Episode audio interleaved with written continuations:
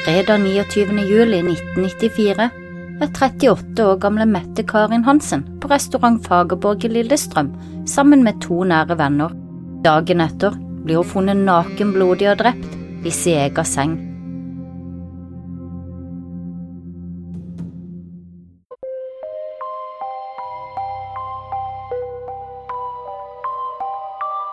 Sett deg godt til rette med noe godt i koppen, og bli med oss inn i denne ukas krimhistorie.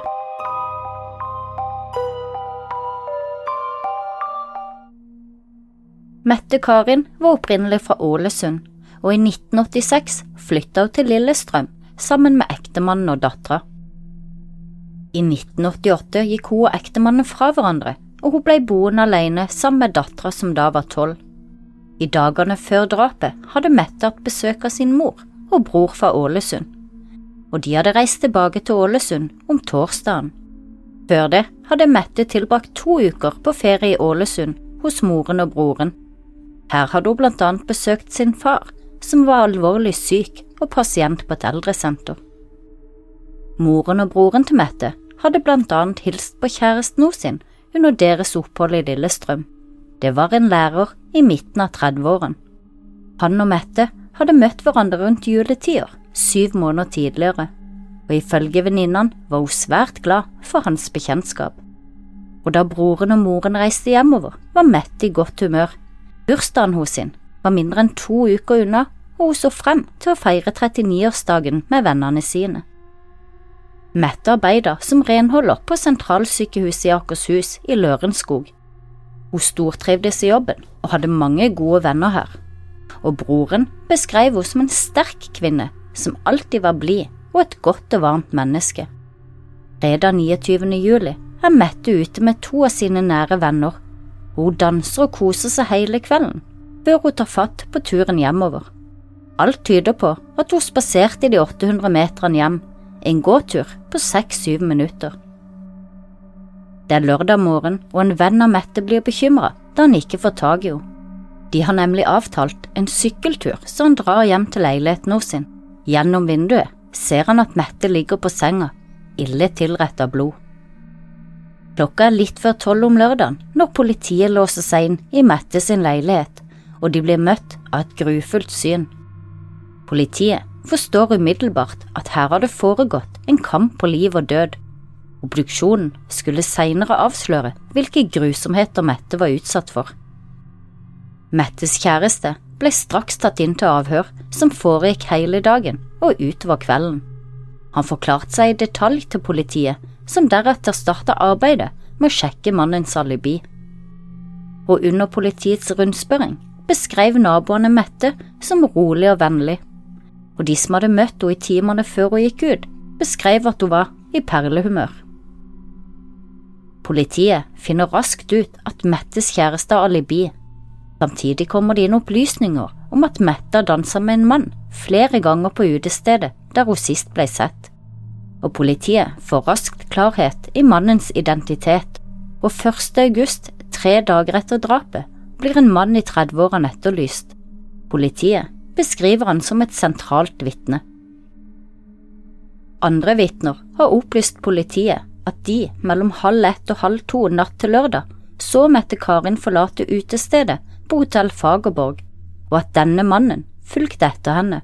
Mette hadde gått i retning hjemmet sitt. Allerede neste dag, 2. august, etterlyses den 29 år gamle Per Christian med bilde i avisene. Dagen før hadde politiet sikta han for forsettlig drap. Politiet har ikke klart å finne Per Christian, og en internasjonal etterlysning blir sendt ut. Samtidig forteller politiet at de har gjort flere taktiske og tekniske funn som gir dem sjelig grunn til mistanke. At den mistenkte i tillegg holder seg skjult, ser de som mistenksomt. Per Christian hadde heller ikke dukka opp på jobb på mandagen hos elektrofirmaet på Skedsmokorset. Og samme dag går også kompisgjengen til Per Christian ut med en bønn i media og ber han om å melde seg. I avisen forteller kompisgjengen om sjokket da de fikk vite at Per var mistenkt, og at de har vanskelig for å forstå at han kan ha drept noen. Samtidig er de tydelige på at om han er skyldig, så vil de ikke vende ham ryggen, og de ber han om å ta kontakt og sier at de skal klare dette sammen. Kompisene forteller at fredagen hadde Per jobba til langt utover kvelden. I mellomtida hadde kompisene starta vorspiel i Per sin leilighet. Omsider hadde han kommet hjem, men han hadde ikke drukket noe.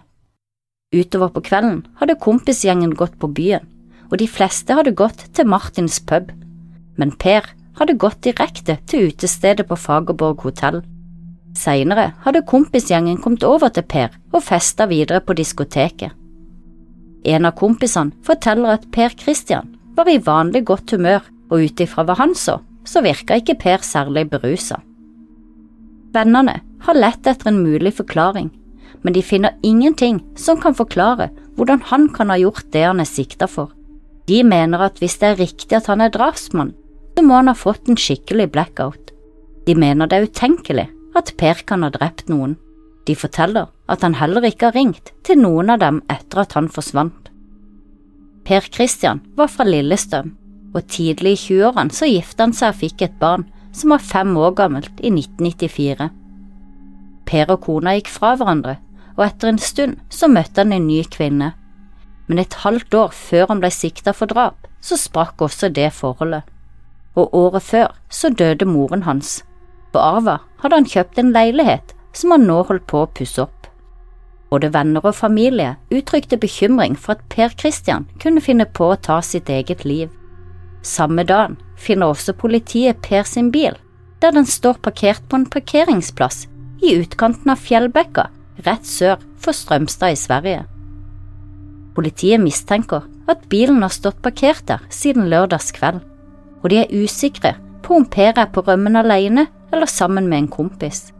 Politiet anser det som sannsynlig at han nå oppholder seg i Sverige et sted, og sporene de stopper ved bilen. Men snart så oppdager det svenske politiet at Per fra lørdag til mandag hadde bodd på Langsjø camping ved ferieparadiset Fjellbekka, og lørdag hadde han tatt ut penger fra en minibank i Sverige. Og i dagene som følger får politiet i både Norge og Sverige flere tips. En ung kvinne i 20-årene melder seg for det svenske politiet og forteller at hun har observert en ukjent mann haike på riksvei 163 mellom Fjellbekka og Dingle. Og beskrivelsen hun gir, er identisk med utseende og klesdrakt til Per Christian. Og det danske politiet kobles også inn, og en katt og mus-lek er i full gang. I bilen til Per finner Kripos et brev som han hadde skrevet til sin far, men som han aldri hadde postlagt. I brevet skal han ha gjort seg flere refleksjoner rundt drapet på Mette-Karin. 10. august, to uker etter drapet, melder Dagbladet at flukten fra politiet snart kan være over. Høyesterettsadvokat Tor Erling Staff opplyser at han venter på å bli kontakta av Per om kort tid. Staff forteller at han ønsker å møte Per på et hemmelig sted, sånn at de kan diskutere hva som videre bør skje.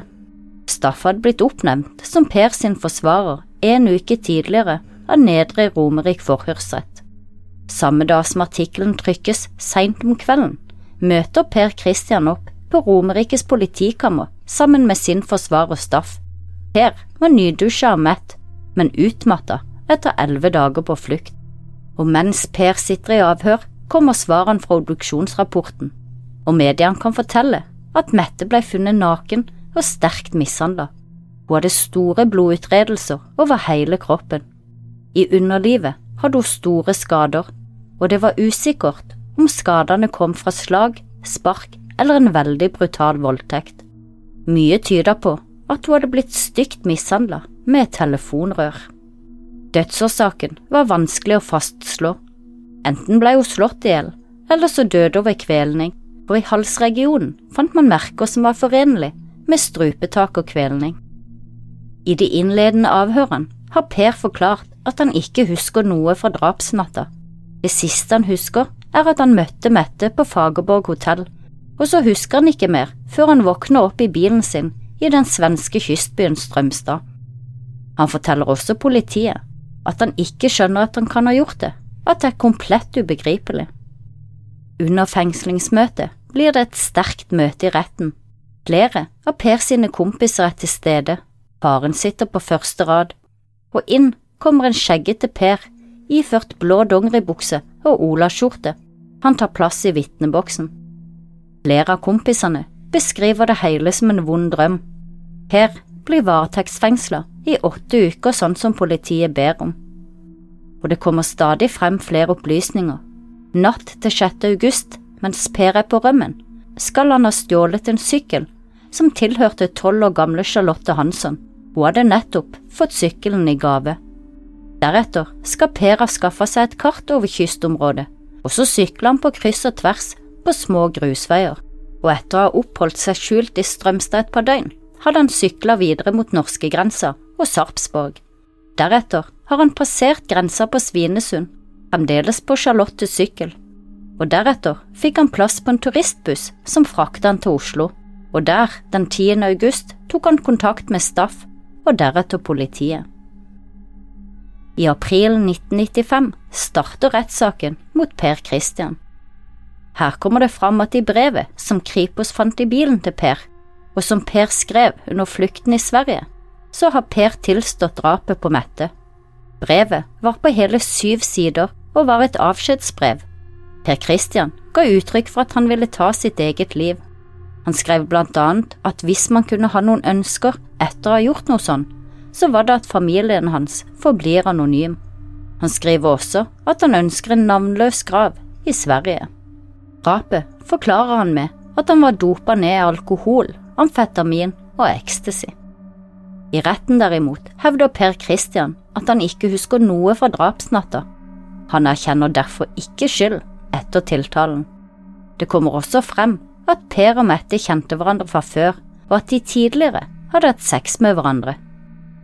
En nabo av Mette, som vitna i retten, fortalte at han hadde hørt skrik fra leiligheten rundt klokka to om natten hun ble drept. Og på en søppelplass i Sverige hadde politiet funnet Per sine boots.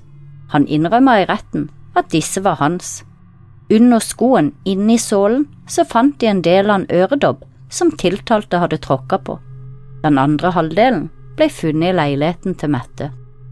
Toksikolog Jørg Mørland uttalte som sakkyndig i retten at hukommelsestapet som tiltalte påberopte seg, kalles en senere fortrengning, som har inntrådt etter at han har innsett hva han har gjort.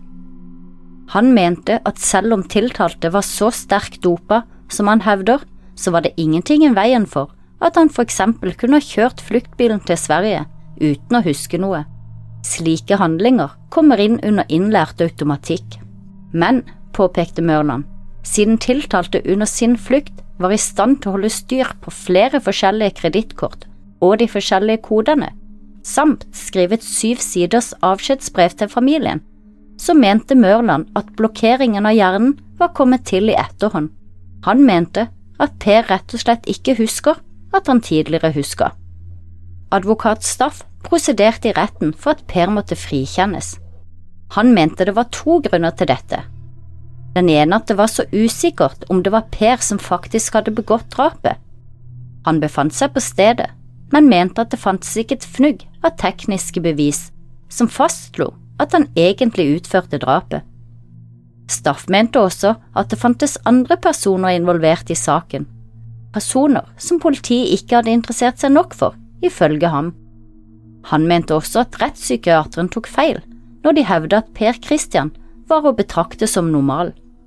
Staff mente at Per hadde et psykologisk skyldkompleks som gjorde at han påtok seg skylden for alt som skjedde med ham i hans egne øyne mislykkede liv, og at hans såkalte avskjedsbrev snarere var et tegn på privat skyldfølelse enn et bevis for utførte handlinger.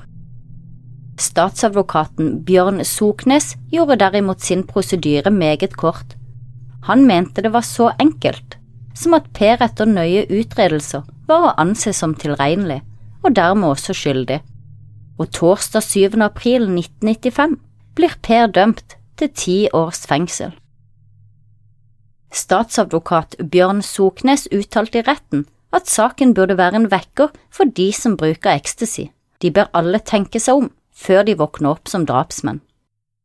For tilhørere presse kom straffen som en stor overraskelse, ettersom drapet var begått under spesielt skjerpende omstendigheter og karakterisert som noe av det mest grufulle som hadde funnet sted i Norge på lengre tider.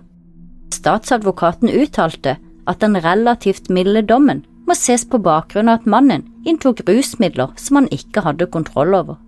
Kombinasjonen ecstasy, amfetamin og alkohol har hatt en eksplosiv virkning på mannen. Retten konkluderte med at Per hadde vært utsatt for en rusforgiftning som fullstendig hadde endret personligheten på kort tid. Selv om dette ikke anses som sinnssykdom og ikke er straffefriende, mente likevel retten at siden mannens karakter og atferd tidligere i livet var så helstøpt, var det helt åpenbart at det hovedsakelig var rusen som hadde gjort ham forbigående gal. Var det riktig av retten å dømme Per til kun ti år i fengsel? Visste man nok i den tida om rusmidler og deres virkninger? Var det virkelig rusen som endra Per denne kvelden og ga han en forbigående galskap, sånn som retten mente, eller hadde han noe mørkt iboende i seg som alltid hadde vært der? 8. mai 2001 blir Per løslatt på prøve. To måneder seinere blir Per anmeldt for voldtekt av en 15 år gammel jente fra Hamar.